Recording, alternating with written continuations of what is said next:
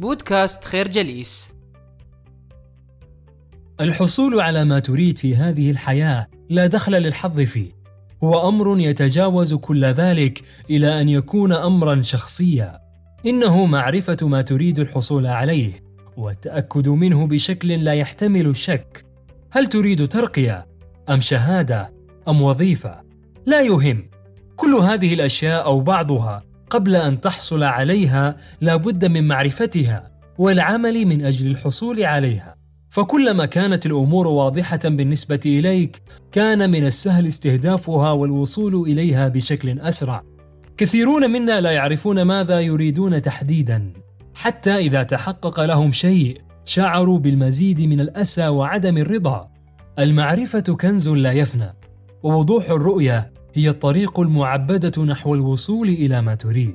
في حقيقة الأمر، الناس الذين يحصلون على ما يريدون لديهم ميزات معينة تختلف عن باقي الأشخاص الآخرين. إنهم يضحون برغبات أصغر في سبيل رغبات أكبر. لهذا هم يرتبون رغباتهم حسب الأولويات التي يفرضها عليهم الواقع. لابد أن نعرف بأنه لا يمكن الحصول على كل شيء. لذا يجب عليك أن تحسب قدر رغبتك في الشيء الذي تهدف إليه تحديدا. الفكرة جزء كبير من حصولنا على الأشياء رهين بمعرفتنا بها. المعرفة شيء بديهي في حصولنا على الأشياء والرغبات والاماني والأحلام ولكنها تحتاج أيضا جرعة كبيرة من الثقة في النفس تحصن صاحبها من الإشكالات الناتجة عن الخجل وفقدان الثقة والأمل. الثقة تجعلنا نقدم على الأشياء بروح تفاؤليه كما تجعلنا ندرك بشكل كبير ونجيب عن سؤال ماذا نفعل؟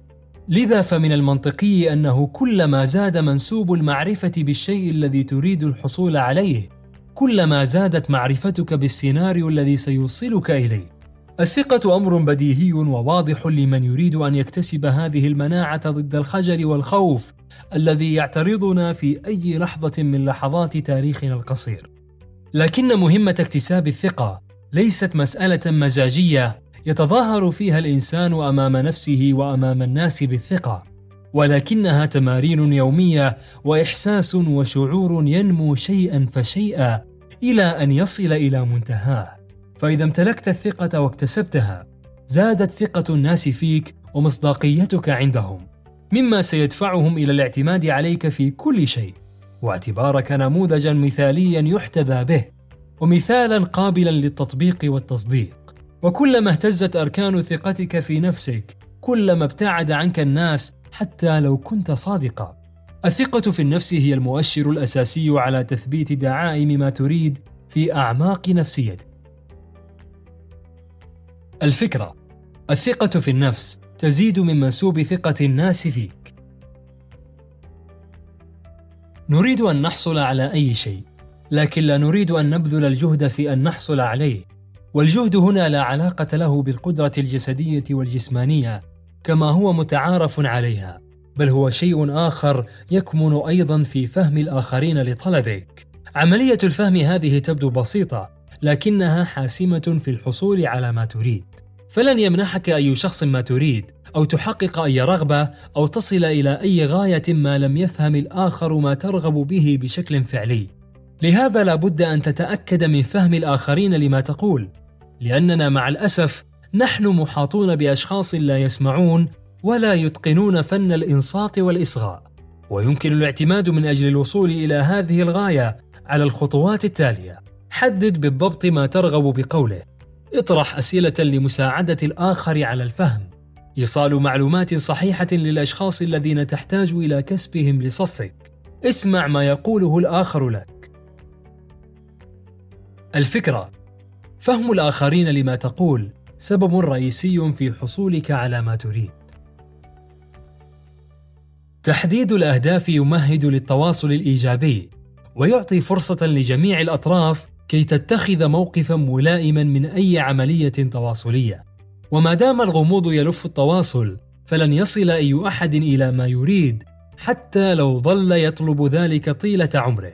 تحديد الأهداف والغايات مسألة حاسمة في التواصل فلا يمكن أن تبدأ تواصلا أو محادثة أو حوارا إلا بعد التفكير في كل الاحتمالات.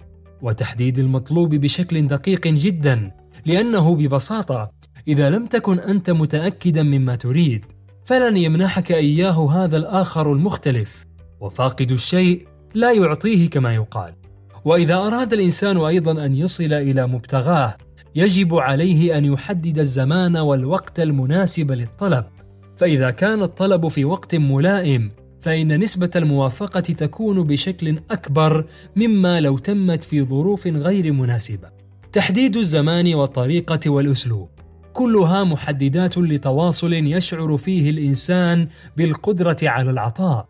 والذكاء هنا هو استغلال كل هذه المعطيات من أجل الحصول على ما تريد. الفكرة تحديد المطلوب واستغلال الفرص يساعدان على الحصول على ما تريد. نشكركم على حسن استماعكم. تابعونا على مواقع التواصل الاجتماعي لخير جليس. كما يسرنا الاستماع لآرائكم واقتراحاتكم ونسعد باشتراككم في البودكاست.